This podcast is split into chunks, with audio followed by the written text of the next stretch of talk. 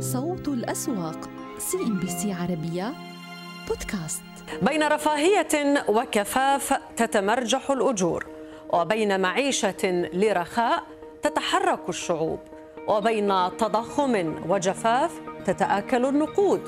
حكومات تتحرك لترفع الأجور وأخرى تتفرج لحين زوال الغيوم. طوابير عمالية ونقابات مهنية ولا حياة لمن تنادي بعذر الركود. فهل أنت راض عن الحد الأدنى للأجور أم أنك تصارع بالحد الأدنى للكفاف؟ مع توقعات متشائمة للاقتصاد العالمي واحتمالات حدوث ركود في العديد من الاقتصادات تطل دوامة ارتفاع الأسعار والأجور برأسها على الحكومات والقطاع الخاص على حد سواء. فالعام 2022 والذي شهد انخفاضا وتآكلا للأجور الحقيقية والقدرة الشرائية واحتجاجات في سوق العمل ببعض القطاعات في دول عدة وذلك تزامنا مع تصاعد التضخم وأسعار الطاقة والسلع وذلك كنتيجة لما خلفته الاضطرابات المرتبطة بالوباء في سلاسل التوريد العالمية وكذا تأثير التوترات الجيوسياسية الروسية الأوكرانية المستمرة. هذا وتظهر بيانات منظمة العمل الدولية أن الأجور الشهرية عالميا تراجعت بالقيمة الحقيقية إلى 0.9% في النصف الأول من عام 2022 كما وفقد الموظفون بأجر حوالي ستة أسابيع من أجورهم خلال 2020-2021 وكانت الخسارة أكبر بين العاملين في الاقتصاد غير الرسمي وذوي الأجور المنخفضة وفي البلدان المنخفضة والمتوسطة الدخل. ومن المتوقع أن يتجاوز متوسط زيادة الأجور 4% في عام 2023 في سبع دول اقتصادية كبرى منها ألمانيا والصين والولايات المتحدة. بحسب دراسة نشرتها شركة Willis Towers Watson للاستشارات المالية والتي أجرت مسحا شمل 25 ألف شركة في 135 دولة.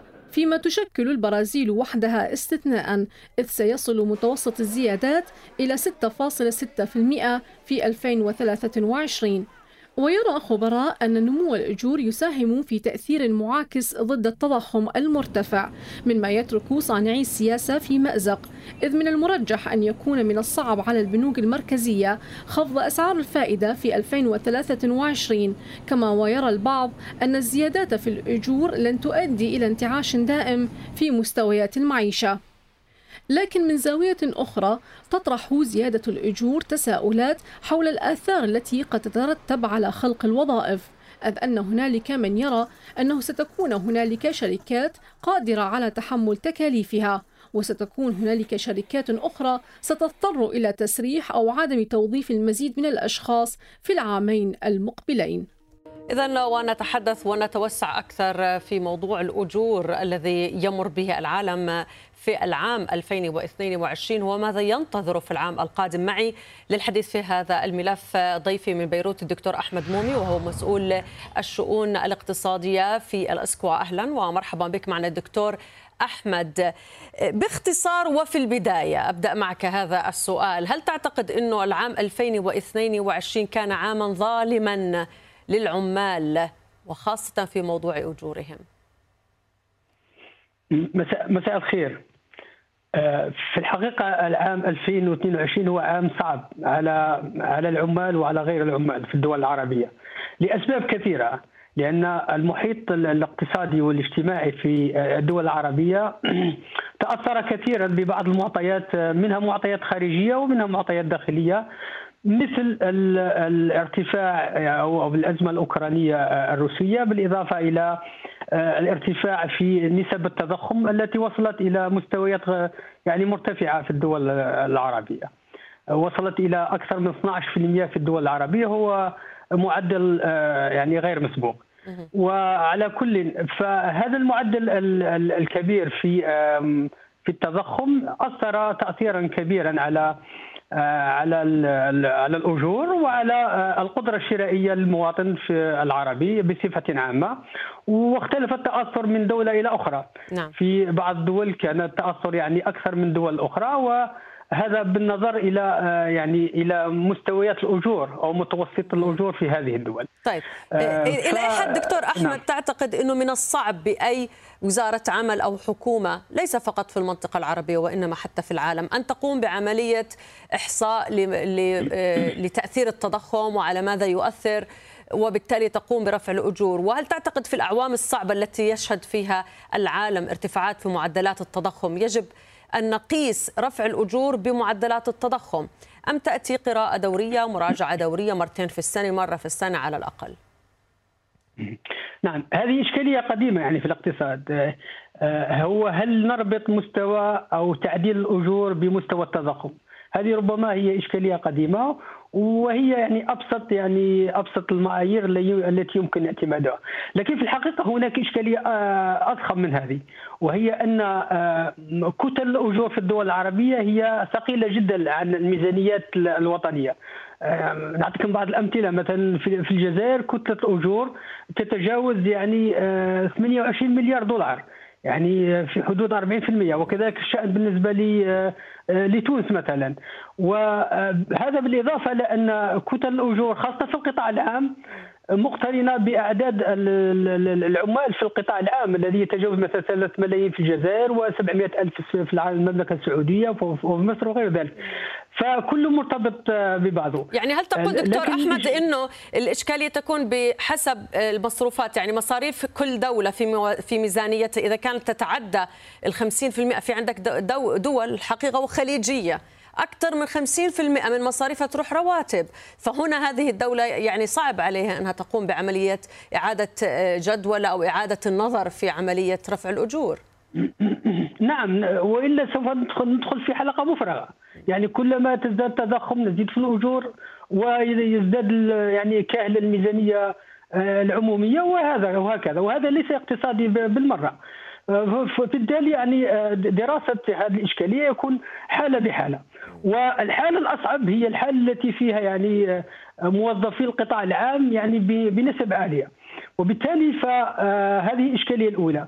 الإشكالية الثانية أن القطاع الخاص هو كذلك وهو أحد المشغلين الكبار في الدول العربية لكن هل القطاع الخاص هو في له القدرة أو الإمكانية حتى يقوم ب يعني بمجاراة هذا الارتفاع في في نسبة التضخم. قبل هذا العذر دكتور أحمد يعني نسمع يعني أرباب العمل يصفوا الوضع. نحن نتجه إلى ركود حتى نحن لم نتلقى أي زيادة. رفعوا عنا مكافآت هذا العام وغيرها. لن أقول حجج وتبريرات ولكنها حقيقة. ولكن إلى متى ممكن أن يتحمل أي موظف أو عامل في الحياة؟ لا أتحدث عن مستوى رفاهية والرواتب متوسط الأجور عندهم مرتفع أتحدث عن حد الكفاف.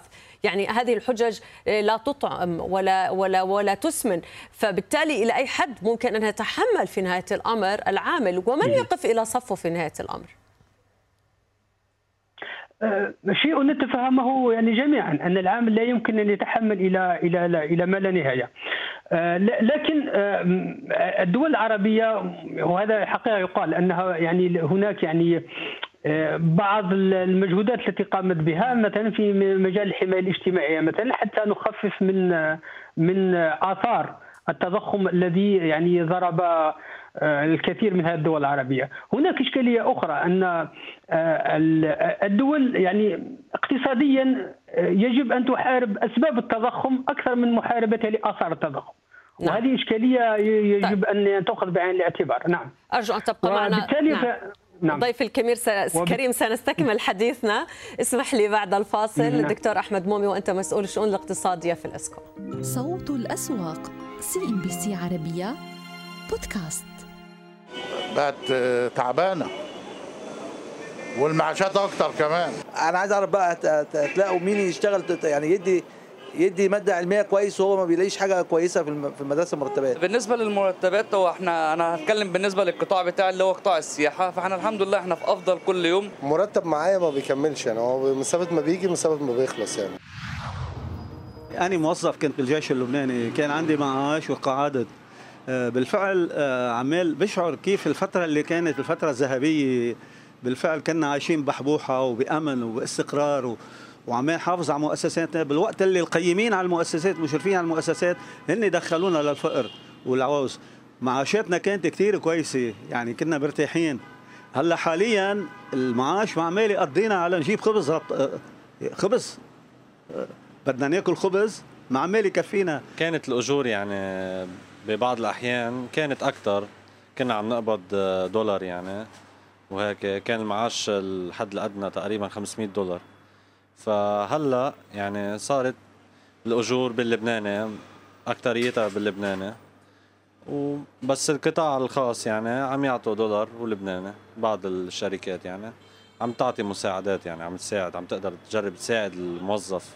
بمعاشه براتبه الخاص.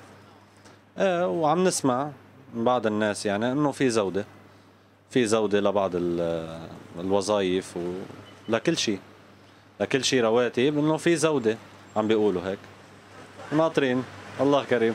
بالنسبة للمعاشات بالأول كنا ناخذ أكثر دولار 1005 هلأ الدولار مش معروف. يثبتوه طيب أوكي 40 20 30 يتثبت بصير في شغل بالبلد أكثر كفكرة. يعني كنت آخذ بالأول 1005 اليوم كم مليون؟ رواتب كلها نزلت بشكل عام بكل القطاعات. في محلات عم بيعطوا دولار بس إنه أكيد قسم دولار وقسم لبناني فما عم بيأدي. يعني كل العالم هلأ نحن كموظفين اللي ثابتين معاشاتهم واللي عم يشتغلوا لحالهم على الميلتين ما في شيء بيأدي. إذا رحتي سوبر ماركت بتحطي معاشك بنهار فالوضع كثير مأزم 2023 بتصور أسوأ لأنه الدولار شفتيه من يومين كيف كان امبارح وصلنا ل 48 قشط بسرعة فالوضع بتصور على أسوأ من هيك. والشغل كله على الدولار والدولار ما ما ما له مركز. فهذا الوضع يعني ثلاث ارباع العالم انضرت منه. من من التجار الكبار لأصغر عامل. فالله يختار الخير وإن شاء الله على 2023 يتثبت الدولار. قد ما نتثبت يوصل لل 50 بس يثبت بيصير في استقرارية في, في الاقتصاد. بيصير تعرف تعطي أجار العامل. مع هالأساس من غير هيك ما في مجال. ما الأجارات صارت بالدولار ما عاد حدا ياخذ منك في اللبناني الأيام ال 1005 الدولار كانت المعيشة أحسن من هلا. يعني هلا اليوم بدك آه، مي وبدك كهرباء وبدك آه، أجار بيت. أجار بيت اليوم 7 مليون. بيت كنا تاخذي ب 300 ألف اليوم 7 مليون. خزان برميل 10 كيلو لتر 10 آه، براميل حقه تقريبا صار 400 500 ألف. اشتراكات يعني ما فيك تلحقي. إذا في واحد الإنسان عنده ثلاث أربع أطفال ما في لحق المعيشة. شو يروح ينهب يروح يسرق يا سلام. بالقطاع العام زادوا لهم آه، ثلاث أضعاف. شو راح تعمل معهم؟ ولا شيء. كله بالليرة اللبناني شو بتعمل؟ إذا مشاهدينا لعلكم تابعتم معنا رأي الشارع العربي تحديدا من مصر ومن لبنان. أرقام مبكية وآراء الحقيقة أقرب آه، ليست إلى الواقع إلى جانب الخيال آه، أن يتم وصفها. أعود إلى ضيفي آه، الدكتور أحمد موميا مسؤول الشؤون الاقتصادية في الأسكوا يمكن استمعت لرأي الشارع العربي وخاصة الضربة تأتي مزدوجة. دكتور ليست فقط في الدول التي تواجه التضخم وإنما في الدول التي تتراجع فيها سعر صرف العملة المحلية إلى جانب التضخم العالمي هنا لا نتحدث ابدا عن موضوع حد أدنى للأجور، نحن نتحدث عن نفضة كاملة، انتفاضة كاملة. إيه، إلى أي حد تعتقد دكتور أحمد إنه يجب أن يتم الالتفات إلى هذه الدول؟ وهل تعتقد إنه من السهل آه، منح الرواتب بعملة أجنبية حتى آه، يكون هنالك عدل على الأقل ولا تكون مزدوجة الضربة؟ إذا توفر طبعا شكرا. الدولار. نعم نعم آه، ربما ما شاهدناه الآن يؤكد ما قلته سابقا ان أن الحل يجب أن يكون حل اقتصادي ولا يجب أن يكون حل يعني ترقيعي يعني كما الأكيد أن ما ما رأيناه في لبنان هو هو شيء يعني مبكي إلى حد كبير في حيث ان الاقتصاد اللبناني يعيش يعني مرحلة من من المراحل يعني السيئه في في مسيرته. وبالتالي فالاسكوا نادت من قبل يعني بإصلاحات اقتصادية عميقة. يعني على الأقل الإصلاحات التي توقف من نزوف و يعني انهيار الليرة اللبنانية حيال الدولار. فبالتالي يجب ان ان ان يتوقف هذا النزيف نعم. ويجب أن يتوقف هذا النزيف بحيث أن الليرة تستقر إلى مستوى معين يمكن من خلاله البناء عليه حتى نخرج من هذا الحلقة نعم. المفرغة. طيب آه نعم دكتور أحمد يعني نعم. قبل قليل أيضا استعرضت الزميله المنتجه والزميل المخرج آه، الدول التي تنوي في 2023 أن ترفع الحد الأدنى للأجور. من كل الدول فاجأتني الحقيقة قراءة الجزائر وكذلك التشيك. يعني آه، الجزائر سترفع بحدود 45 في المئة. آه، بينما نتحدث أيضا عن دول أخرى هي قادرة على أن ترفعها ب 68 في المئة. هل هنالك استثناءات لهذه الدول على ما تنويه في العام القادم؟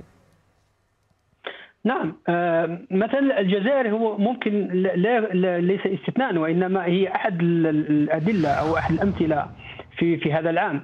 آه، الجزائر في هذه السنة يعني اقترحت ميزانية هي هي الأعلى يعني منذ الاستقلال يعني تقارب 100 100 مليار دولار. وبالتالي هناك يعني بحبوحة مالية تمكن من آه، الرفع من آه، من المعاشات وكذلك الرفع من الأجور الأساسية للعمال. لكن يجب أن نعلم أن هذا الرفع سوف يستهلك أكثر من 30% من الميزانيه يعني أكثر من 30 مليار دولار. نعم. وهذا كما قلت في الأول هو عبء كثير.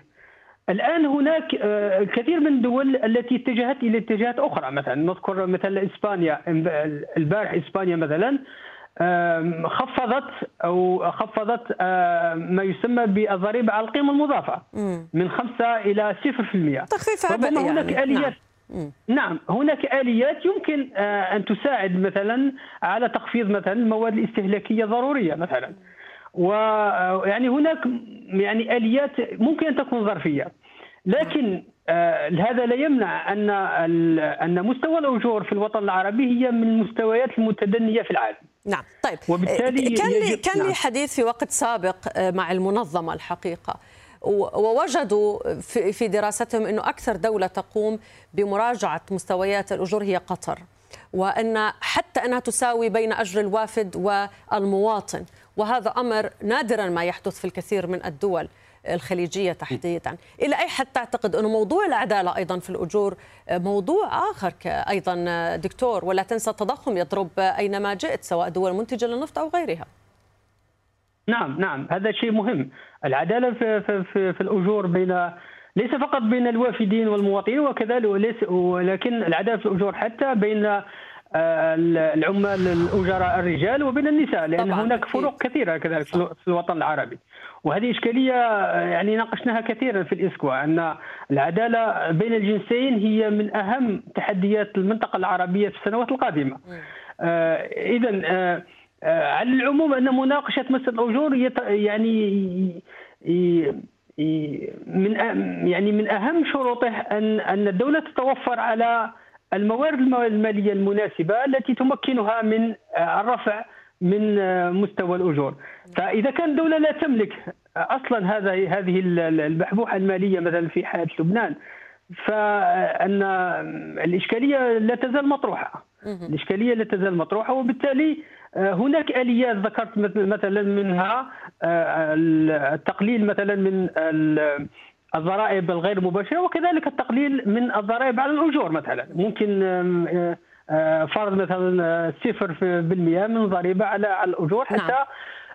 بشكل يعني طيب. غير يعني دكتور أنت تعلم جيدا يعني, يعني لا أريد أن أذكر بأنه يعني ايا كان الإنسان آه، هو يعطي بمقدار تقديره لعمله هل يخشى من إنتاجية العامل أن تتقلص أو تتراجع أو يصيبها الخمول في تاريخ معين من الشهر. يعني مثلا هو يحسب يقول لك أنا في تسعة الشهر انتهى الراتب عندي. وبعد تسعة الشهر مثلا لن أعطي شيء لن أتي على الدوام بوقتي لن أنتج كما يرغبون ويحدث لديك تمرد وغيرها. وهذا ما نلحظه بالفعل. الإنتاجية مهمة جدا وأنتم تناقشونها ومدى تأثيرها على على الاقتصاد. فهل يلتفت أيضا تلتفت الحكومات إلى هذا الموضوع بالبحث عن محفزات أخرى تهدئة الأوضاع وغيرها؟ ضروري ضروري أن نلتفت إلى الانتاجيه العمل وهي كذلك للأسف أن الدول العربية يعني من بين أقل دول إنتاجية العمل يعني معروفة هذه. وبالتالي فيجب الانتباه إلى هذه الإشكالية من أن آه، الأجر الذي ياخذه العامل لا لا لا يوازي ما يبذله من جهد وممكن أنه يصرف كل الراتب في العشر أيام الأولى من من الشهر. وبالتالي فتحفيز العمال هي آه، نوع من آه، من ال- ال- الأمور التي يمكن آه، أو التي يجب الالتفاف بها. آه، أعتقد أن ممكن ال- التخفيض من الضرائب نعم. ممكن يكون آه، إحدى هذه الآليات التي يمكن أن تحفز العمال ولو ب- بصفة يعني آه، يعني آه، مؤقتة يعني آه، مؤقتة حتى يمكن من من يعني تدارك هذا هذا النقص في مستويات الأجور. دعني أذهب معك إلى الإحصاءات الرسمية. منظمة العمل الدولية تقول للنصف الأول من هذا العام تراجعت القيمة الحقيقية للأجور بمعدل 0.9% هل تعتقد أن الرقم الحقيقي أكبر من ذلك بكثير دكتور؟ أكيد أكيد أن الرقم الحقيقي أكثر لأن لو يعني انتبهنا إلى تقرير منظمة العمل الدولية تقول أننا لم نقم بإحصاء كافه الدول العربية. فهناك يعني آه، بعض الدول العربية التي ليس لديها المعطيات اللازمة. لكن الذي نعتقده أنه أن الرقم أكثر- أكبر ب- بهذا يعني من هذا الرقم يعني. نعم. وأنا أشكر وقتك وأيضا وجودك معنا ضيفي من بيروت الدكتور أحمد مومي وأنت مسؤول الشؤون الاقتصادية في الإسكوا وكل عام وأنت بألف خير. صوت الأسواق CNBC عربية بودكاست. مسار السوق لهذا اليوم نبدأ من مؤشر سوق دبي المالي الذي ما زال يحافظ على مستويات 3300 نقطة. مستويات مهمة. آه، دعم مهمة على المدى المتوسط. كان قد خلقها مؤشر المؤشر العام لسوق دبي المالي طوال عام 2022 ارتفاعات أو يتجه سوق دبي المالي لتحقيق مكاسب سنوية تصل أو تتجاوز 6% يوم غد سوف يكون آخر يوم للتداولات في الأسواق المالية الإماراتية. فيما يتعلق بالأكثر نشاطا الخليج ملاحة تتصدر القائمة على ارتفاعات بأكثر من 4.5% الاتحاد العقارية إعمار آه، أيضا هو كان يحاول اختبار مستويات ال- الستة دراهم منذ بداية ديسمبر ولكن هل يستطيع بأن يخترقها يوم غد إلى أعلى أم لا؟ إذا اخترقها طبعا آه، يعني نوعا ما سوف يكون هناك ارتفاعات واضحة وبالتالي سوف تؤثر على المؤشر العام لأنه يعتبر من أكبر آه، ثلاث أسهم أو أربع أسهم آه، تؤثر على المؤشر العام لسوق دبي المالي اليوم ارتفاعات آه، بحدود 20 نقطة المئة 10 نقطة المئوية. آه، سالك ارتفاعات آه، انخفاضات تفوق الواحد ونصف في المئة. مصرف عجمان على ثبات. مصرف عجمان له حكاية خلال عام 2000 أو حتى خلال آخر شهرين من تداولات 2022 شهدنا عمليات شراء انتقائية على هذا السهم. تقريبا منذ منتصف في منذ منتصف نوفمبر الماضي ارتفع بأكثر أو نحو 60 في المئة. تخللها بعض عمليات أو بعض الجلسات كانت عمليات جني أرباح على السهم طبعا دون أي أخبار آه، تذكر سواء من مصرف عجمان أو من سوق دبي المالي يفسر هذا التصاعد أو هذه عمليات الشراء الانتقائية. تكافل الإمارات تتصدر الأسهم الأكثر ربحية في سوق دبي المالي بارتفاعات بأكثر من 7%، الخليج ملاحة 4.5%، دار التكافل 3.5% ارتفاعات، دبي التجاري آه، ارتفاعات بأكثر من 1.6% وإثمار، فيما يتعلق بتبريد انخفاضات بأكثر من 3%، اكتتاب القابضة العربية للطيران 3% بلا شك هذا ربما شكل أيضا من ال- الأسهم التي شكلت ضغوط على آه، المؤشر العام لسوق دبي المالي هو ومجموعة تيكوم آه، انخفاضات ب 1.8% GFH بالرغم من التصنيفات الائتمانية التي أعلنت عنها بالأمس ولكن يستمر بالتراجع بأكثر من 1.5%. ماذا عن سوق أبو ظبي؟ كنا نتحدث طوال هذا الأسبوع عن مستويات ال 10300 نقطة التي خسرها خلال هذا الأسبوع كانت تعتبر من أبرز المستويات الدعم على المدى القصير ولكن لم يستطع طوال هذا الأسبوع بان يغلق فوق هذه المستويات متراجع بحدود ربع النقطه المئويه على المستوى ال- اليومي ولكن أيضا يتجه مؤشر فوتسي أبو ظبي لتحقيق مكاسب سنوية تفوق في المئة. طبعا سوف نرى كيف سوف يكون الأداء يوم غد آخر يوم من تداولات 2022 الأكثر نشاطا في أبو ظبي. Multiply على رأس القائمة بانخفاضات تقارب 19 النقطة المئوية طاقة ارتفاعات ب 13 نقطة مئوية. الدار بعد ارتفاعات طوال الجلسة تقريبا في آخر ربع ساعة من التداولات. نشده يتراجع ويغلق على نفس مستويات إغلاقات أمس. أدنك للتوزيع بحدود نصف النقطة المئوية إشراق للاستثمار 16 نقطة المئوية. فيما يتعلق بأبرز الرابحين والخاسرين لا يوجد هناك أي يعني سهم مؤثر على مؤشر فوتسي 15 لنسلط الضوء عليه. والخليج الخليج الطبي يتصدر الأسهم الأكثر ربحية ب 10% اسمنت الفجيرة بالمقابل انخفاضات تقارب العشرة في المئة.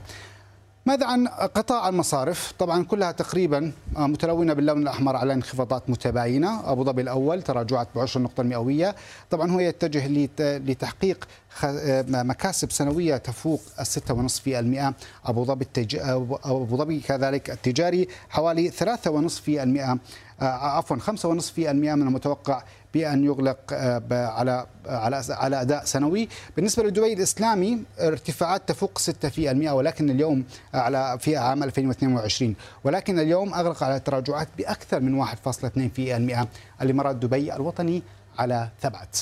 طبعا أسواق المنطقة وبالذات الخليجية شهدت نشاط واضح وملموس وذلك جاء ضمن البرامج التي أطلقتها الحكومات المختلفة في المنطقة الخليجية لدعم أسواقها بطبيعة الحال، ولكن دعونا نبدأ بمستويات وكيف كانت الاكتتابات آه، خلال أو على مستوى العالم خلال عام 2022 بالنسبة للعدد كان هناك انخفاض بحدود ال 45 في المئة وأيضا فيما يتعلق بالعائد عائد تلك الاكتتابات كان هناك انخفاض فاق الستين في المئة تسجل نحو 180 مليار دولار. الآن هذه الأرقام سوف نقارنها. طبعا هي نسبة قليلة لا تتجاوز 13 إلى 14 في المئة. نسبة اكتتاب أسواق المينا من إجمالي الاكتتابات حول العالم. نحن نتحدث عن العائدات. كان هناك ارتفاع بحدود 115 في المئة تسجل 24 مليار دولار. ولكن كان هناك انخفاض في عدد الاكتتابات بحدود 43 في المئة. السعودية والإمارات لوحدها قد استحوذت تقريبا على 23 مليار دولار من إجمالي الاكتتابات بحدود أو بإجمالي وصل إلى نحو 49 اكتتاب خلال خلال عام 2022 بطبيعة الحال. وبالتالي ما هي أبرز الاكتتابات التي تمت خلال الأسواق أسواق المنطقة خلال عام 2022 كان في الربع الثاني هيئة كهرباء ومياه دبي هي كانت أكبر اكتتاب في المنطقة الخليجية بعائدات تفوق الستة مليارات دولار. كنا نتحد وجاءت أيضا ضمن الخطة الاستراتيجية التي أطلقتها حكومة دبي في نوفمبر من عام 2021 لترقية ودعم أسواق آه، الأسواق المالية في إمارة دبي بطرح آه، عشر شركات آه، حكومية أو شبه حكومية في المرحلة المقبلة. كنا نتحدث أيضا عن بروج التي جمعت عائدات بحدود الملياري دولار. كان هذا أكبر طرح منذ عام 2017 في سوق العاصمة الإماراتية من حيث العائد. أما فيما يتعلق بأمريكانا كان خلال الربع الأخير من هذا العام كان تقريبا اختتام لتلك الاكتتابات والإدراجات وبالذات في الإمارات. طبعا كان هناك إدراج مزدوج لشركة أمريكانا. بعائدات وصلت إلى 1.8 مليار دولار في كل من السعودية والإمارات. ما هي أبرز العوامل التي أثرت على الاكتتابات ودعمتها في أسواق المنطقة بطبيعة الحال؟ كنا نتحدث عن مؤشر فيكس والعلاقة العكسية ما بينه وما بين الاي بي أو أو الاكتتابات الموجودة في الأسواق العالمية. نشهد هذه الحركة العكسية ما بين المؤشرين. استمرار رفع أسعار الفائدة نوعا ما أيضا ضغط على توجه الشركات للحصول على التمويلات وذلك مع رفع أسعار الفائدة وبالتالي يعتبر آه، آه، غالي إذا ما قرن بأسواق المنطقة. ونوعا ما جذبت آه، الأسواق المالية تلك الشركات التي لها خطط بالتوسع من جهة وأيضا المدرجة ضمن خطة استراتيجية حكومية كما أشرنا سابقا وبالذات في الإمارات والسعودية. وأيضا توقعات من نمو اقتصاد المنطقة. هذا أيضا يعود إلى موضوع ارتفاع أسعار النفط العالمية. كما نعلم في عام 2022 وصل إلى مستويات حوالي 140 دولار للبرميل، هذا بلا شك دعم أو يدعم الميزانيات دول المنطقة وبالذات الخليجية أو المصدرة للنفط. وبالتالي هذا نوعا ما يعطي زخم وأيضا تفاؤل بالنسبة لأداء الشركات المدرجة والمطر أو, التي طرحت في الأسواق الخليجية. بطبيعة الحال كان هناك البنك, البنك الدولي آه، ويتوقع نمو الاقتصاد في 2022 آه، طبعا أسواق المنطقة نحن نتحدث عن اقتصاديات منطقة 5.5 و3.5% في 2023 وأيضا آه، الظروف الجيوسياسية كذلك والحرب الروسية الأوكرانية لعبت دور مهم. أيضا في خروج تلك الاستثمارات وبالذات الأجنبية من بعض الأسواق في في منطقة آسيا متوجهة إلى أسواق المنطقة. صوت الأسواق CNBC عربية بودكاست. أهلا بكم من جديد مؤشر بورصة قطر الذي لم يستطع بأن يغلق فوق مستويات ال 11 ألف نقطة. طبعا في آخر أسبوعين تقريبا فقد هذا المؤشر. حاول أكثر من مرة بأن يخترقها إلى أعلى ولكن عمليات الضغوط البيعية وبالذات من قبل المستثمرين الأجانب وأيضا الأفراد آه، يعني لم تفلح لم يفلح مؤشر بورصة قطر العام بأن يغلق فوق هذه المستويات. يغلق نهاية عام 2022 عند 10681 نقطة. متراجعا 8% على أساس سنوي وعلى أساس آه، الربع. تراجع بأكثر من 10% هذا الشهر الرابع على التوالي ولكن على المستوى الشهري أكثر من 15 أو حوالي 16 في المئة. كنا نتحدث أيضا عن قيم التداولات التي شهدت انخفاض واضح وملموس مقارنة مع على الأقل النصف أو الربع الثالث من هذا العام. خلال هذا الربع كان هناك تراجعات ملحوظة في قيم التداولات. اليوم لم تتجاوز 331 مليون ريال قطري. نذهب مباشرة إلى ضيفنا من الدوحة سيد تامر حسن الكاتب الاقتصادي. مرحبا بك على شاشة CNBC عربية سيد تامر. نتحدث أسعد الله مساك. أهلا وعام سعيد على الجميع شكرا لك كل عام وأنت بخير آه، نتحدث عن هذا الأداء السلبي الذي كان هناك تجاهل واضح لمؤشرات إيجابية آه، اقتصادية بالنسبة للاقتصاد القطري آه، ما هي أهم الأسباب وراء هذا التراجع في في بورصة قطر؟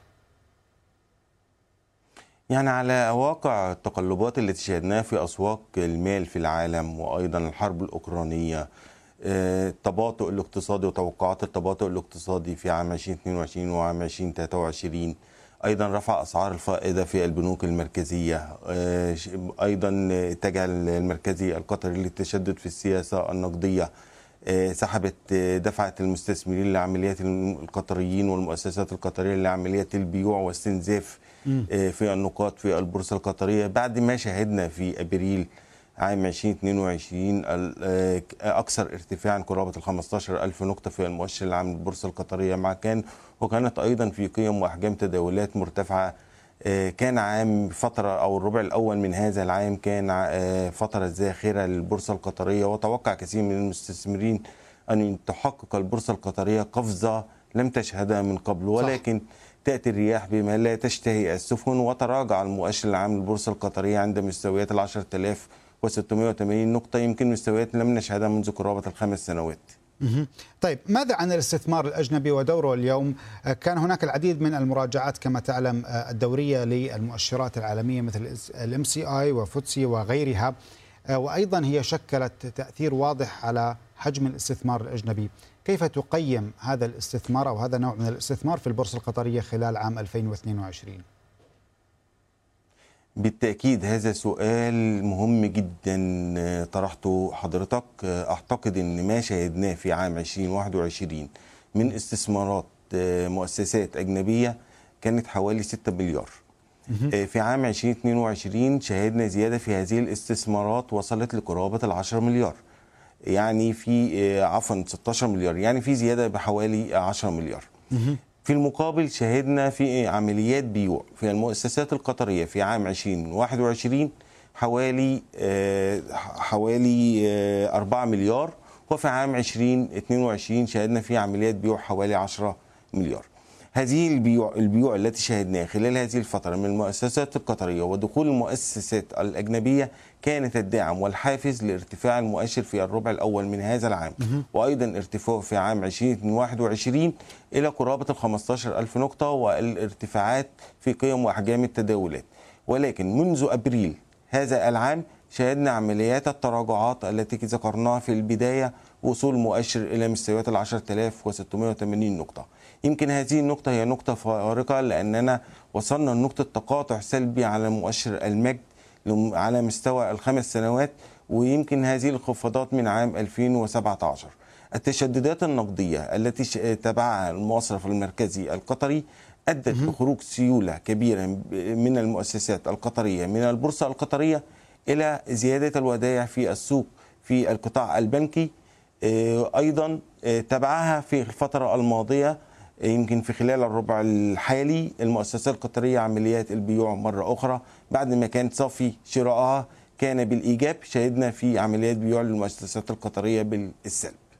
طيب فيما يتعلق بالموازنة موازنة قطر التي تم الإعلان عنها كان هناك أيضا من المتوقع بأن يتم تحقيق فائض في العام المقبل ونمو الموازنة من حيث الإيرادات والنفقات تقريبا بحدود 16 في المئة بالنسبة للإيرادات. آه، وأيضا كان هناك تعديل على سعر آه، السعر العادل للنفط بشكل أفضل. ولكن بنفس الوقت هناك نوعا ما من التوقعات إلى حالة ركود قد تصيب آه، ال- ال- ال- الاقتصاد القطري. ليس بسبب الركود بحد ذاته ولكن مقارنة مع السنوات الماضية لأنه كان هناك زخم إنفاق واضح وخصوصا على البنى آه، ال- البنى التحتية وأيضا المشاريع آه، الحيوية في آه، في- في قطر بسبب استضافة أو التحضر لاستضافة آه، مونديال قطر 2022 وقد أبهرت العالم حقيقة. ولكن ماذا ماذا التالي؟ وهو هذا السؤال الذي تقريبا معظم المستثمرين وخصوصا الأجانب سيد تامر يسألون بالنسبة للاستثمار في قطر. فما هي التوقعات وما هي الأجواء أجواء الاستثمار بشكل عام في قطر بعد استضافة هذا الحدث العالمي؟ بالتأكيد سؤال مهم جدا. عام 2022 كان عام ملفت بالنسبة للدوحة. هو عام المونديال. استفاد المونديال آه، استحوذ على رأي كثير من المحررين بالإيجاب. صح. استفادت كافة القطاعات ما عدا القطاع الرياضي والقطاع قطاع الاستثمار في البورصة بالأخص مهم. البورصة تراجعت آه، بعكس ما كان متوقع أيضا آه، الفريق القطري جاء بعكس المتوقع ولكن في كافة القطاعات شهدنا في نوع إيجابية شهدنا في تحفيز آه، آه، تحفيز إن الدوحه قادرة وإن الدول الصغيرة قادرة على تنفيذ مهرجانات عالمية كما شهدنا في الدوحة ولفت الانتباه. صح. آه، خلال الفت... ده كما ذكرت أن تأتي ال- الرياح بما لا تشتهي السفن الكل يتوقع أن يكون في تباطؤ في عام 2023 ولكن ربما نشهد مع بيانات الربع الأول من هذا من عام 2023 لأن أعتقد أن البيانات المالية في عام 2022 سوف تكون مخيبة للآمال على كافة آه، العالم وليس بس فقط في ال- القطاع آه، في البورصة القطرية. وتحتي ولكن أعتقد إن مع بيانات الربع الأول من عام 2023 سوف تكون في طفرة إيجابية في الاستثمارات. ليس في قطر فقط ولكن هتكون في توقعي الشخصي إنها سوف تكون على مستوى العالم. آه، الفيدرالي الأمريكي أو المركزي الأمريكي هو اللاعب الأساسي ورفع أسعار الفايدة واستحواذ اذونات الخزانة آه، أو الاستثمار الآمن على اذونات الخزانة. الع- الأمريكية هو اللي قدم لتباطؤ البورصات في العالم فأعتقد مع تخفيف هذا التشدد من الفدرالي الأمريكي وأيضا بيانات إيجابية عن الاقتصاد الصيني أعتقد إن سوف نشهد طفرة من بداية الربع الأول من عام 2023 وسوف تكون قفزه. في عندنا حاجات لازم نذكرها في البورصة القطرية حدثت في عام 2022 آه لابد من ذكرها. رفع نسب تملك الأجانب في كافة الشركات أو أغلب الشركات ل 100% كانت حافز لدخول المؤسسات الأجنبية في نعم. عمليات الشراء. أيضا عندنا صانع عندنا تم إدراك صانعي سوق المجموعة كيوني كابيتال آه، كان نعم. لهم ولكن لم يكن لهم أي تأثير آه، لا بالإيجاب ولا بالسلب خلال نعم. الفترة. الماضية ولكن تم اقرارهم أيضا إقرار البيع على المكشوف خلال الفترة ولم يكن لم ينفعل هذا الحدث دون أحداث مهمه جدا ثلاث أحداث مهمه جدا رفع أسعار نعم، رفع. نسب تملك آه، إدراك صانع سوق آه، البيع على المكشوف أعتقد إن سوف تأتي بثمارها مع آه، انتعاش الأسواق العالمية سوف تأتي بمردود إيجابي على السوق القطري. يعني سيد تامر حسن يعني نتمنى بأن يكون عام إيجابي 2023 سواء على مستوى البورصة أو على المستوى الشخصي. بالتأكيد. كل عام وأنتم بخير الله. جزيلا لك على هذه المشاركة. عام سعيد عليك وعلى الجميع.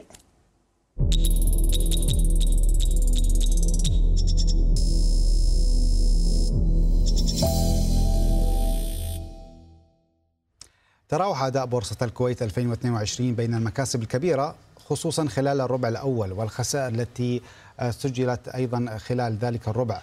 دفعت بورصة الكويت ثمنا للتداعيات التي أصابت البورصات العالمية وذلك جراء اندلاع الحرب الروسية الإوكرانية ومسلسل رفع أسعار الفائدة من جانب البنك الفيدرالي الأمريكي. بين ربع أول استثنائي المكاسب وتطورات لاحقة استثنائية الضغوط تأرجح أداء بورصة الكويت على مدار 2022 فالبورصة المتعافية من تداعيات الجائحة والسعيدة بصعود أسعار النفط إلى ما فوق المئة دولار للبرميل وبتدفق السيولة الأجنبية. قدمت أداء رفيعا خلال الربع الأول نمت فيه مؤشراتها بأكثر من 20% وقفزت فيه أسهم كثيرة إلى مستوى الدينار واقتربت القيمة السوقية الرأسمالية من الخمسين مليار دينار فجلست على قمة أكثر البورصات مكاسبا في العالم. طالما عندنا البيئة ال infrastructure يعني البنية التحتية جدا ممتازة بجهود البورصة وبوجود ال CMA أنا بعتقد عطى طمأنينة للمستثمر الأجنبي إنه ال- ال- التعامل معه حيكون جدا عادل و و- وما في يعني fair صحي خلينا نقول. لكن البورصة لم تهنأ بذلك الاستثناء طويلا فالمكاسب تبخرت في الأرباع التالية وأسعار الأسهم عادت إلى التراجع في جلسات من الخسائر الحادة متأثرة باندلاع حرب روسية أوكرانية طارة وبقرارات رفع الفيدرالي الأمريكي أسعار الفائدة حتى تنكسر سطوة التضخم تارة أخرى فكان أن دفعت بورصات العالم ثمنا فادحا لذلك ولم تكن بورصة الكويت استثناء من كل ذلك. ما حصل أن هناك عمليات بيع كبيرة في الأسواق ال- الأمريكية تبعتها الأسواق الأوروبية كذلك الحال في الأسواق الخليجية لأن المستثمر الأجنبي موجود في كل هذه الأسواق ومنطقية التعامل مع الأسهم هي منطقية واحدة. وبعيدا عن التذبذب وعن حركة المؤشرات شهدت البورصة تطورات عديدة في 2022 ففيه تدفقت سيولة أجنبية مضافة لترتفع إجمالا إلى خمسة مليارات دينار. وفيه دخلت البورصة شركة أولاد علي الغانم للسيارات. وفي العام ذاته أعيد افتتاح القاعة الرئيسية. وفيه طبقت تداولات الهامش. وفيه اتسعت رقعة الشركات المستفيدة من خدمات صانع. السوق. بلشنا نشوف آه، أثر صناع السوق على بعض الأوراق المالية وإن شاء الله راح نشوف أثر المارجن قريبا وأيضا راح نشوف أثر آه، تداول حقوق الأولوية آه، كاستفاده للشركات وللمستثمرين أيضا. فهذه كلها أدوات يعني مشجعة ومؤشرات إيجابية لمستقبل البورصه إن شاء الله. من المكاسب إلى الخسائر تنقلت بورصة الكويت في 2022 لكن يسجل لها أنها لم تخسر كل ما كسبته فأنهت العام على شيء من المكاسب وشيء من الأرباح والكثير من الأموال الأجنبية. أسامة رشيد CNBC عربية. وختام أحمر للتاسي في ختام عام 2022 نتراجع دون مستويات العشرة آلاف وخمسمائة نقطة. في انتهاء فترة المزاد كان في تذبذب واضح حول هذا المستوى. بقيت الخسائر بحدود سبع نقاط تقريبا. وبشكل هامشي السيولة أيضا أدنى من 4 مليار عند 3 مليار و600 مليون. واتجه صافي البيع لقرابة 151 مليون و800 ألف ريال. بينما عزز الموازي في ختام تداولاته لعام 2022 من مكاسبه. رأينا الموازي عم بيتداول على ارتفاعات تقترب ب 217 نقطة. دعونا نشاهد الموازي. في هذا الإغلاق. إذا إغلاق أخضر. أضفنا فيه أكثر من 1% 19417 نقطة. وبقيت القطاعات اليوم متباينة مع نهاية التداولات بالنسبة للسوق الرئيسي. قطاع الطاقة بثلاث أعشار من الخسائر. ولاحظنا البنوك عم بيتراجع بنصف النقطة. السلع الرأسمالية بشكل هامشي صوب الارتفاع. التأمين بقرابة الواحد في المئة من المكاسب والمواد الأساسية يضيف 17 النقطة المئوية. مع نهاية هذه الجلسة. تحركات الأكثر نشاطا اختتمناها مع أمريكانا للمطاعم. بقي بصدارة النشاط 17 مليون و500 ألف سهم. شمس دار الأركان أرامكو السعودية أيضا عند 32 ريال 10 هللات ويتداول بمستويات 5 مليون و200 ألف سهم. أما لوبريف الوافد الجديد إلى السوق أيضا تنازل عن مستوى ال 95 ريال في ثاني جلساته ب 4 مليون و500 ألف سهم ضمن النشاط. المكاسب اتجهت ل Future Care إنماء الروابي أمواج International توزيع الغاز الطبيعي والعبيكان للزجاج يتصدر أيضا قائمة النشاط المكاسب عفوا في المئة. والتراجعات الأكبر كانت من نصيب لدينا شوري بأكثر من 20% إدارات للاتصالات الوافد الجديد اس بي سي ألف ميمياء وأقاسيم بقرابة الأربعة في المئة ضمن هذه الخسائر في نهاية الجلسة. عموما القياديات الراجحي اليوم عم بيخسر أكثر من واحد في المئة ويضغط على القطاع البنكي بحدود اليوم التراجعات يخسر واحد في المئة 75 20 سابق عن 89 40 بحدود 20 نقطة من الخسائر. البنك الأهلي السعودي ب 21 نقطة المئوية. وأرامكو السعودية بثلاث أعشار أما جبل عمر. عم ينهي هذا العام على مكاسب تقترب بواحد وسبع أعشار النقطة المئوية عموما. مع هذا الإغلاق اللي عم نشوفه على السوق السعودي بالتالي نتحدث عن أول خسارة سنوية بسبعة أعوام بالنسبة للتاسي. إذا ممكن نشوفه على مدار عام بالنسبة للتشارت ويتراجع بقرابة 7% على أساس سنوي. مع هذه الإغلاقات إحنا عم نغلق عام وشهر وكذلك أسبوع وكذلك ربع رابع بالنسبة للسوق. خسرنا فيها قرابة 8% وانخفاض قارب 3.7% للشهر الثاني على التوالي. هذا الأداء السنوي للسوق السعودي يتراجع بحدود 853 نقطة بأكثر من 7.5 النقطة المئوية. السوق الموازي بالمقابل كان أيضا خسر على مدار هذا العام. أكثر من 26 في المئة. 6855 نقطة على الرغم من أنه السوقين كانوا الأكثر طبعا حصول على اكتتابات ضمن الأسواق الخليجية إلى جانب السوق الإماراتي. إحنا عم نتحدث عن 18 اكتتاب بقرابة 37 مليار ريال كحجم اكتتابات استقبلها السوق في هذا العام. وبالتالي رأينا نهاية الإغلاقات بقيت حمراء بالنسبة السياسي عموما ضمن الأخبار أيضا التي راقبناها تقديرات مسح القوى العاملة للهيئة العامة للإحصاء والتي أظهرت في السعودية بأن معدل البطالة للسعوديين بلغ قرابة 9.9% في الربع الثالث من عام 2022 بانخفاض بمقدار 1.4 نقطة مئوية عن الربع المماثل من 2021 البالغ 11.4% وعلى أساس ربعي ارتفع معدل البطالة بين السعوديين بمقدار 20% مقارنة بنسبة 9.7% بالربع الثاني من 2022 ومعدل البطالة لإجمالي السكان السعوديين وغير السعوديين 5.8% بفترة الربع الثالث من عام 2022 أي دون تغيير عن الربع الماضي. وانخفض بمقدار 18 النقطة المئوية عن الربع المماثل من العام الماضي.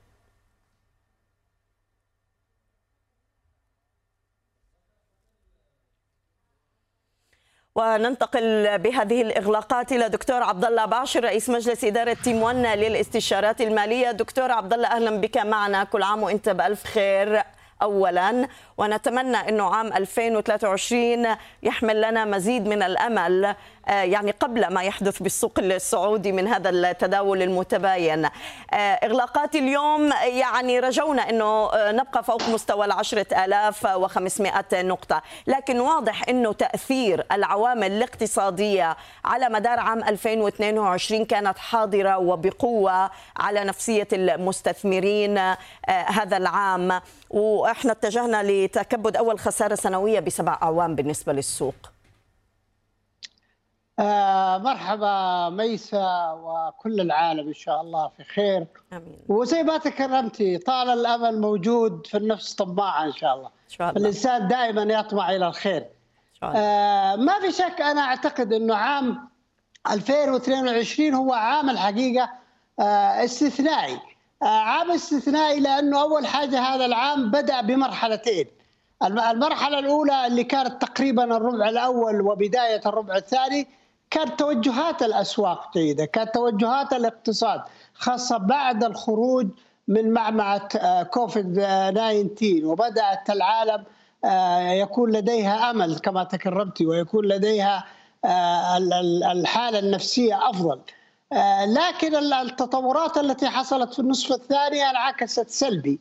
طبعا من أهمها طبعا وقلبت جميع أوراق الاقتصاد والسياسة هي حرب أوكرانيا. آه، هذه طبعا انعكست على على على أوروبا بالذات وعلى الاقتصاد ال- ال- الأوروبي. وكذلك أعتقد قرار الفدرالي اللي هي معالجة التضخم آه، بعملية رفع سعر الفائدة وعالجها بالتي كانت هي الداو. فهنا لأنه السيولة الكثيرة في الأسواق تؤدي إلى ارتفاع آه، التضخم. فحاول يعالجها ب- بأسوأ منها وهي عملية أنه يرتفع سعر ال- الفائدة. فأنت تجد حتى السياسات المالية أصبحت متناقضة بالإضافة إلى ال- ال- الأشياء السياسية وال- وال- والطبيعية اللي حصلت آه، في العالم.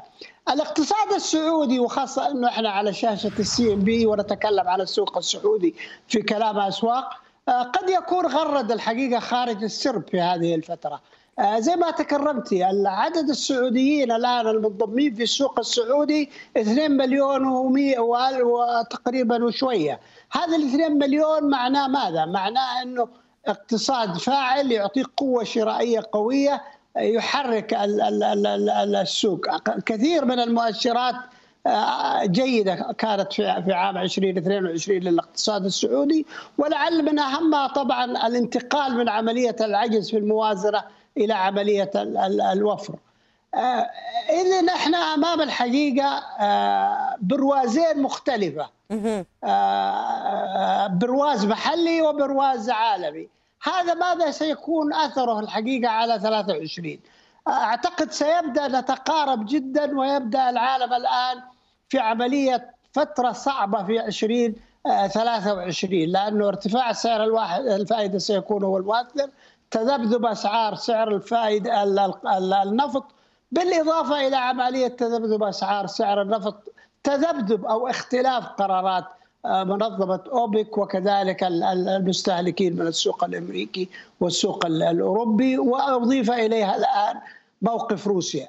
هذه جميعها أعتقد ستكون ال- الفترة الحازمة. إذا من الناحية المالية لو قسناها سيكون ارتفاع في تكلفة الأموال آه، ركود مع تضخم وهو ركود ازدواجي أو دبل كيك كما يسمى آه، في عملية ال ال ال الاقتصاد. وبالتالي قد نجد إنه التوجه سيكون خارج الأسواق إلى عملية الملاذات الآمنة وقد يكون ال- الدوبزت أو الودائع هي أفضل ملاذ يتجه إليه. المتداولين في الأسواق. لكن يبدو حتى جولمان ساكس يمكن أشار إلى هذه النقطة يعني دكتور قال إنه السندات ستكون هي الأكثر جاذبية هذا العام القادم 2023 بعيدا عن هاي التقلبات اللي عم نشوفها أصلا بأسواق ال- الأسهم آه، هل هذا سيدعو الحكومات لمزيد من عملية إصدار السندات برأيك كملاذات وأصول آمنة أكثر من التوجه يعني المستثمرين للأسهم؟ الحقيقة ليس دعينا نكون صرحاء يعني زي ما بيقول عادل إمام العيال كبرت يعني. يعني Goldman Sachs وأخواتها آه، بعض مؤشراتها لها خلفيات أخرى. يعني هو كذلك يدعي إن الب- النفط سيرتفع إلى 120 هو وغيره. نعم. آه لكن آه هذا خلفها أشياء ك- كثيرة. آه أعتقد السندات هو جانبين، الجانب الأول قد تتجه كما تكرمت الحكومات إلى إصدار آه، سندات وكذلك قد يكون دعوة لشراء السندات الأمريكية وعملية تحريك السندات الأمريكية بدل من عملية الاستهلاك ورفع التضخم. فإذا يجب أن نكون حذرين الحقيقة من هذه ال- ال- ال- المراكز ومن هذه ال- ال- ال- البيانات التي تصدر أو الإعلانات لأنه أصبح غير موثوق فيها ويمكن أوبك اتخذت سبيل جيد بأنها بعدت عن أحد هذه المراكز وأصبحت تعتمد على تحليلها فلا نعتقد كثير من الدول ومنها المملكة العربية السعودية ومنطقة الخليج أصبحت تعتمد الحقيقة على إمكانياتها في عملية التحليل في عملية النظرة المستقبلية بالإضافة إلى عملية التخطيط والتحوط لها وهذا ما جعل إنه اقتصاديات المنطقة وعلى رأسها المملكة تتماسك في هذه الظروف الصعبة. وهذا واضح من حجم الاكتتابات يعني اللي شفناها يمكن دكتور. إحنا عم نتحدث عن آه، قرابة 37 مليار ريال حصة السوق السعودي وحده من عمليات الاكتتابات. 18 اكتتاب آه، يمكن استطاعت أن تجذب سيولة عم تهرب من الأسواق العالمية بالفترة الأخيرة بسبب هذه الحرب الروسية الأوكرانية. جميل بيس الحقيقة لأنه هذا هو الاقتصاد.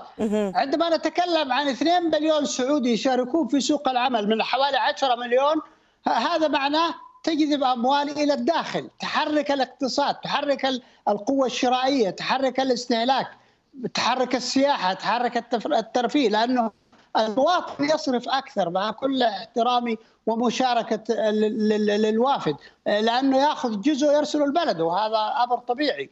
لكن المواطن يصرف 100% في في المكان اللي هو آه، موجود. آه، عملية زي ما تكرمت أعتقد عملية ما وجد في سوق الاكتتابات آه، هو صحيح كان عملية كذلك وجود تحريك لهذه الأموال. لكن في نفس الوقت هناك الحقيقة من يعتقد إنه هذه الاكتتابات واختلاف الرأي لا يفسد للود قضية.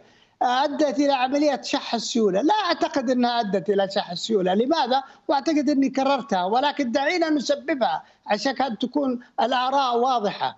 آه، عملية الاكتتابات غطت لكن المشكلة فيها إنه بعد الاكتتاب انخفضت أسعارها. فاذا هناك كذلك هنا التساؤل الكبير بالحقيقة للجهات المنظمة. كيف 90% تغطى من مؤسسات مالية ولديها البلاءة ولديها الخبرة ولديها ال know ولديها التأهيل. وفي اليوم الثاني أو الثالث تنخفض إلى 10 و12% هنا هنا السؤال أو ال question mark الكبير اللي أعتقد الجهة المنظمة يجب ان ان ان, أن تبدأ فيه بحث وتدقيق حتى يكون لأنه دائما الاكتتاب ليس ان ان ان ترسل إلى السوق ولكن كذلك أن تأخذ العوامل المحيطة بالسوق. فالسوق هو صاحب الكلمة الأخيرة والحكم الأخير. وليس عملية التنظيم. هل هذا يعني والتنظير. أيوه. هل هذا يعني آه، دكتور إنه إحنا أمام آه، مزيد من التعديلات؟ لأنه إحنا شفنا هيئة سوق المال يعني أعطت عدة قرارات آه، ويعني اشتراطات مع بداية هذا العام لتحسين جذب السيولة ويمكن هي اللي جزء منها ساهم بهذه الإدراجات اللي عم نشوفها وكان لأول مرة عم نشهد بالسوق السعودي يمكن إدراج مزدوج مثل ما شاهدنا على أمريكانا. هل ما زالت الهيئة مطالبة بمزيد من التعديل بالعام الجديد. لا هو هو قد يكون مزيد من من الدراسة من البحث. آه، أنا أعتقد لا لا يفهمني البعض. أنا مع الحقيقة مزيد من الاكتتابات نعم. مزيد من عملية إعطاء الخيار لأنه الخيار للمتداول في السوق هو الذي يحدد القيمة العادلة. آه، لأنه لو لاحظت هنا كنا نتكلم أو الكثير يتكلم أنه الأسعار كانت عالية، أسعار الطرح كانت عالية، لا السوق هو الحكم، السوق هو القيمة العادلة حسب المعايير وأفضل المعايير هي المعايير المحاسبية. اللي هو معيار 39 إنه القيمة العادلة هو ما أرضاه أنا وما ترضيه أنت، ما يرضاه المشتري وما يرضاه البائع، ليس ما يحدده بالقلم والمسطرة.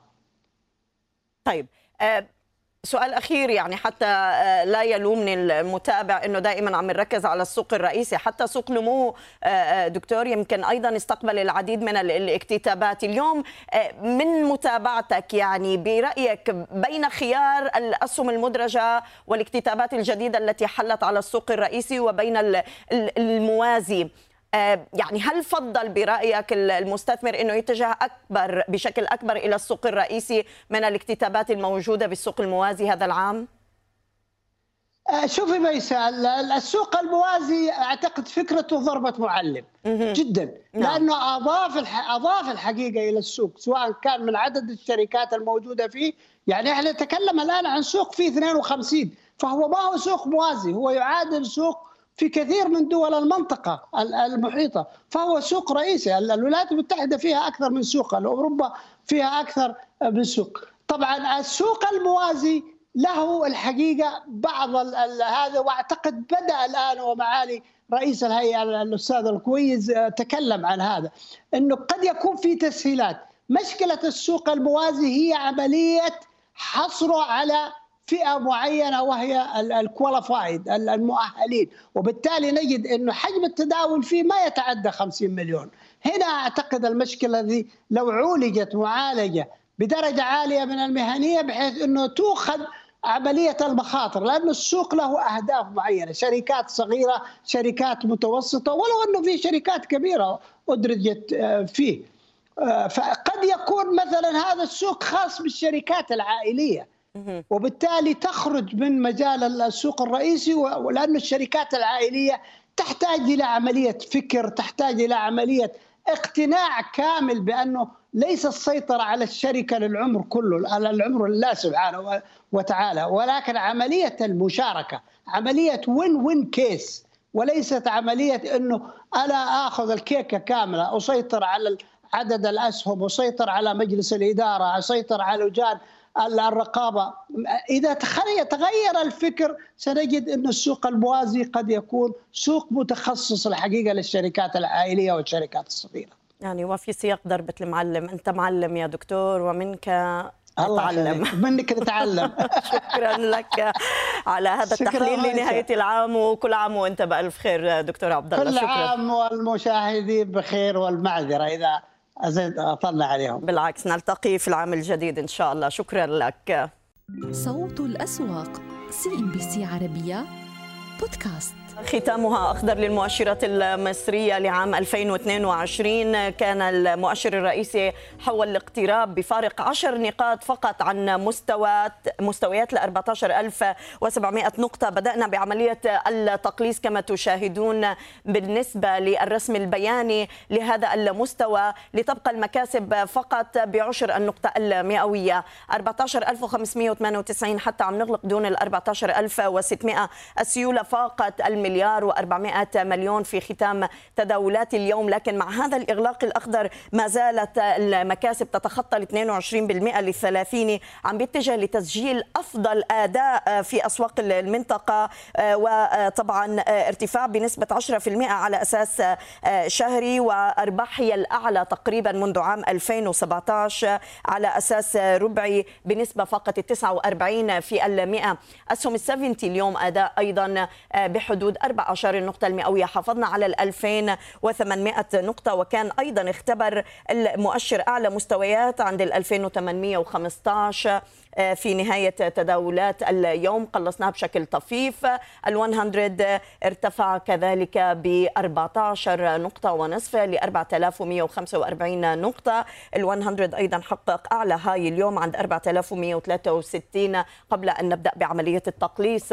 قياديات السوق المصري بقيت اليوم أيضا ضمن التحركات والبنك التجاري الدولي أعطى دفعة في ختام جلسة العام للمؤشر الرئيسي ب 16 نقطة المئوية. إي فاينانس تراجع بنصف النقطة وهناك حركة على فوري لتكنولوجيا البنوك بأربع أعشار والشرقية للدخان أضاف سبع أعشار النقطة المئوية. المكاسب والنشاط الأكبر بالنسبة للقياديات شهدنا على المصرية للاتصالات تراجع إعمار مصر خسرت ثلاث أعشار النساجون الشرقيون عزز من مكاسبه ل 4% عامر جروب ب 88 قرش عم بينهي العام بمكاسب تفوق الواحد ونصف النقطة المئوية. باقي القياديات اتجهت لسوديك 3% من الارتفاع.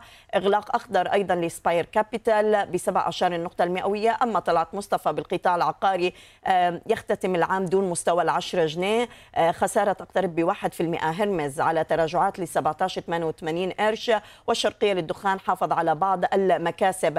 لكن. آه، الأكثر آه، طبعا آه، نشاطا نهر الخير للتنمية يتصدر المشهد العربية لإدارة الأصول أوراسكوم للاستثمار القابضة ودايس و Arab Developers يتصدر مشهد النشاط أيضا هناك مطاحن وسط وغرب الدلتا اليوم تبادل مراكز واضح لهذه الأسهم التي واصلت على مدار الأسبوع. حركة الصعود مطاحن شرق الدلتا مطاحن مصر العليا ولدينا العربية لإدارة الأصول يرتفع بقرابة الثمانية في المئة والقاهرة للخدمات التعليمية على القائمة المرتفعة. القاهرة الوطنية للاستثمار في مشهد التراجعات على هذه القائمة مصر للزيوت والصابون الإسكندرية الوطنية للاستثمارات المالية عبر المحيطات وقناة السويس لتوطين التكنولوجيا. يخسر قرابة 12 في المئة.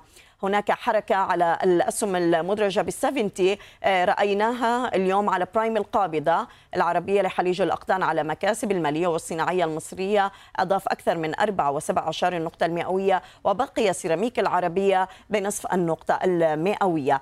نتجه إلى القاهرة. أستاذ محمد عبد الهادي مدير عام شركة وثيقة لتداول الأوراق المالية. أحييك أستاذ محمد كل عام وإنت بألف خير وعام إن شاء الله بيكون مليء بالأخبار الإيجابية. كما شهدنا السوق المصري تفوق واضح على أسواق المنطقة بهذه المكاسب اللي حدثت بأكثر من 22% سواء على مستوى ربعي أو حتى لختام اليوم الأسبوعي وكذلك الشهري. هذه المكاسب كيف يمكن أن نقيمها؟ وإلى أي مدى ممكن يحملها السوق المصري؟ المصري معه حتى بداية عام 2023 طيب هو اولا بسم الله الرحمن الرحيم. طبعا ختامها زي ما حضرتك قلتي ختامها خضراء إن شاء الله في جلسات البورصة المصرية. مع تمنياتي لكافه المستثمرين بعام سعيد وأتمنى لقناة CNBC مزيد من التفوق وكل سنة وحضراتكم طيبين. طيب.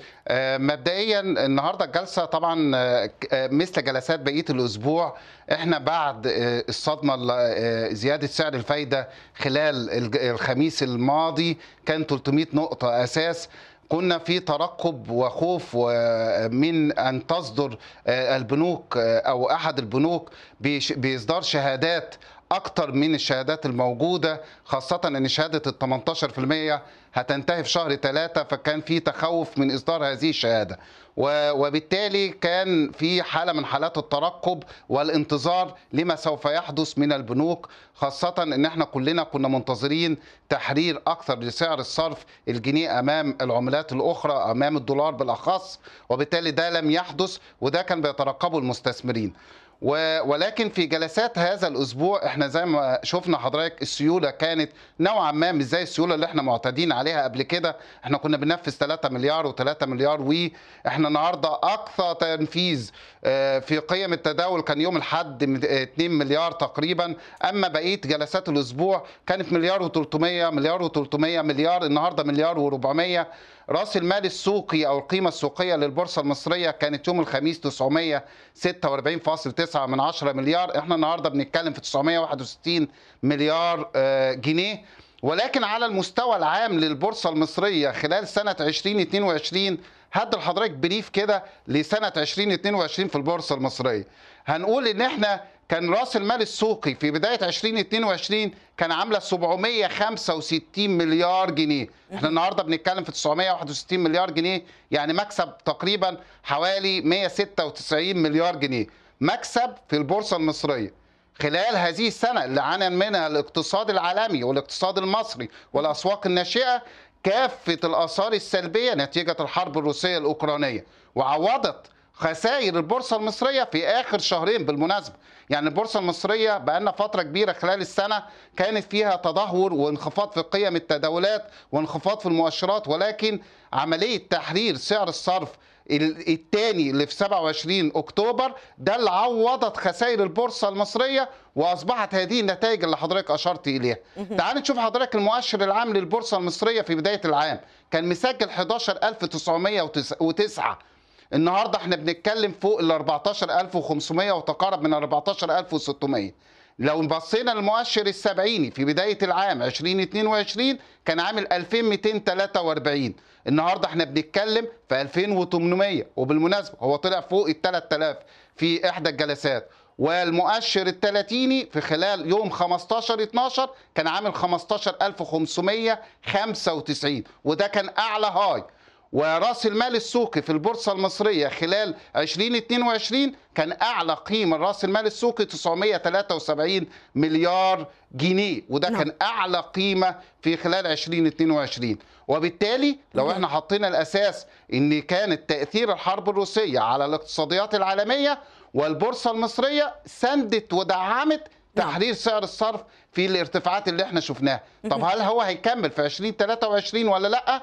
أنا أعتقد اعتقادي الشخصي إن البورصة المصرية أصبحت من الملاذ الآمن زي الذهب زي النفط نعم. زي الدولار لأن قيمتها منخفضة جدا. أسعارها منخفضة جدا وبالتالي هتصبح جاذبة وإحنا هنشهد في 2023 مزيد من الاستحواذات نعم. مزيد من الطروحات يعني إحنا منتظرين بنك القاهرة المفروض إن هو يتم وهذا طرحه. ما أريد أن أسأل آه، عنه زي ما محمد. حضرتك اشرت الباكين يعني هذا ما أريد أن أسأل تفضل. عنه يعني عنوان الأسواق الخليجية هذا العام الاكتتابات ال- آه، السوق المصري عنوانها الأكبر هو الاستحواذات الصناديق السيادية الخليجية كانت الحاضرة الأبرز ضمن عنوان 2022 يعني شايفين آه، الصناديق السيادي الإماراتي وكذلك السعودي اللي سيطر على حصة أكبر هل نتوقع مزيد من الاستحواذات أم ستأتي الطروحات هي العنوان الأكبر للسوق المصري ب 2023 طيب أنا أحيي حضرتك على السؤال دوت بسبب إن البورصات العربية فعلا في خلال 2022 قامت بمجموعة من الطروحات الكبيرة جدا. يعني شفنا في الإمارات. عملت اكتتابات كثيرة جدا زي DEWA 12 زي اكتتاب بروج تقريباً. زي ADC Corporation وهكذا. والسعودية نفس الشيء. ولكن في مصر في خلال 2022 لم يحدث. تعالى حضرتك نعمل انعكاس على البورصات العربية هنلاقي إن ميزانيات الشركات بالمناسبة حققت وفر ل 2023 بما يقارب من 100 مليار دولار في خلال هذه الأزمة. مصر بالمناسبة لم تقم كثيرا ببرنامج الطروحات المؤجل منذ فترة كبيرة على الرغم أن أشار إليها السيد الرئيس أن إحنا عاوزين من القطاع الخاص ما يقارب من 40 مليار دولار على أربع سنين المفروض أن كل سنة 10 مليار دولار. وبالتالي ده اللي بيؤكد إحساسي الداخلي. ويقيني أن البورصة المصرية سوف تكون مستهدفة في 2023 لسبب واحد إن إحنا عندنا قيم الشركات منخفضة جدا في خلال الفترة السابقة وبالتالي أنا شايف إن ممكن يبقى فيها طروحات لازم بد إن إحنا يبقى فيه تفعيل للطروحات والاقتصاد المصري بالمناسبة هيساعده في الحتة دي يعني أنا عاوز أقول لحضرتك إن مع الأزمات الاقتصادية العالمية إحنا تم الإعلان عن زيادة صادرات الغاز الطبيعي بما يقارب من حوالي 8.4 من عشرة مليار دولار مقارنة ب 3.5 مليار دولار. بمناسبه الغاز الطبيعي وحضرتك أعلنتي عن الموازنة العامة لشركة الغاز. لو حضرتك بصينا للصادرات المصرية تم الإعلان اليوم إن هي زادت حوالي 11% يعني 32.5 مليار دولار في خلال 2022 اللي هي فيها الأزمات.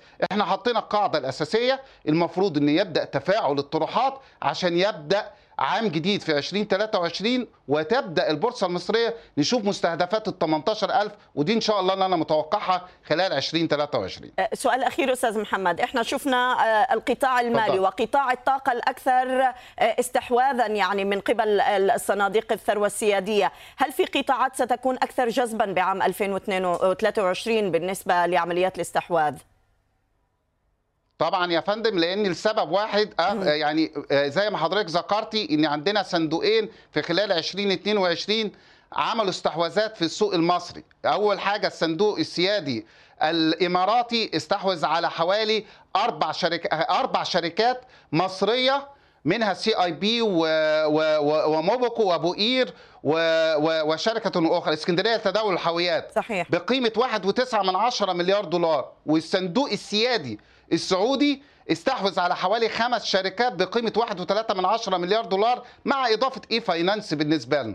وبالتالي أنا شايف إن القطاعات المستهدفة غير القطاعات الخدمات المالية ال- الأساسية أو الخدمات المالية غير المصرفيه في قطاع كبير مستهدف قوي من الاستحواذات وهو قطاع الأغذية. إحنا حضرتك 100 مليون مواطن أو أكثر.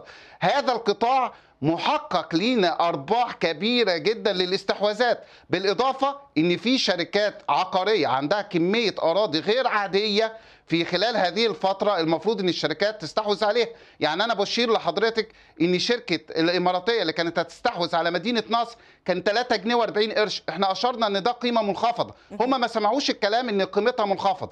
تعال حضرتك نشوف بعد 27 10 قيمة مدينة نصر بالنسبة ل 3 جنيه و40 قرش هتبقى كام؟ نعم. إذا يبقى إحنا زي ما أشرنا فعلا إن قيمتها منخفضة والمفروض إن هو يزود السعر وهو لم يستجب لزيادة السعر. يبقى إذا القطاعات المستهدفة هو القطاع اللي فيه الأراضي القطاع العقاري اللي فيه الأراضي والقطاع الأغذية المفروض إن نشوف استحواذات في 2023. ونشكرك أستاذ محمد عبد الهادي مدير عام شركة وثيقة أشكرك يا لتداول فندم. الأوراق المالية وكل عام وأنت بألف خير صوت الأسواق CNBC عربية بودكاست.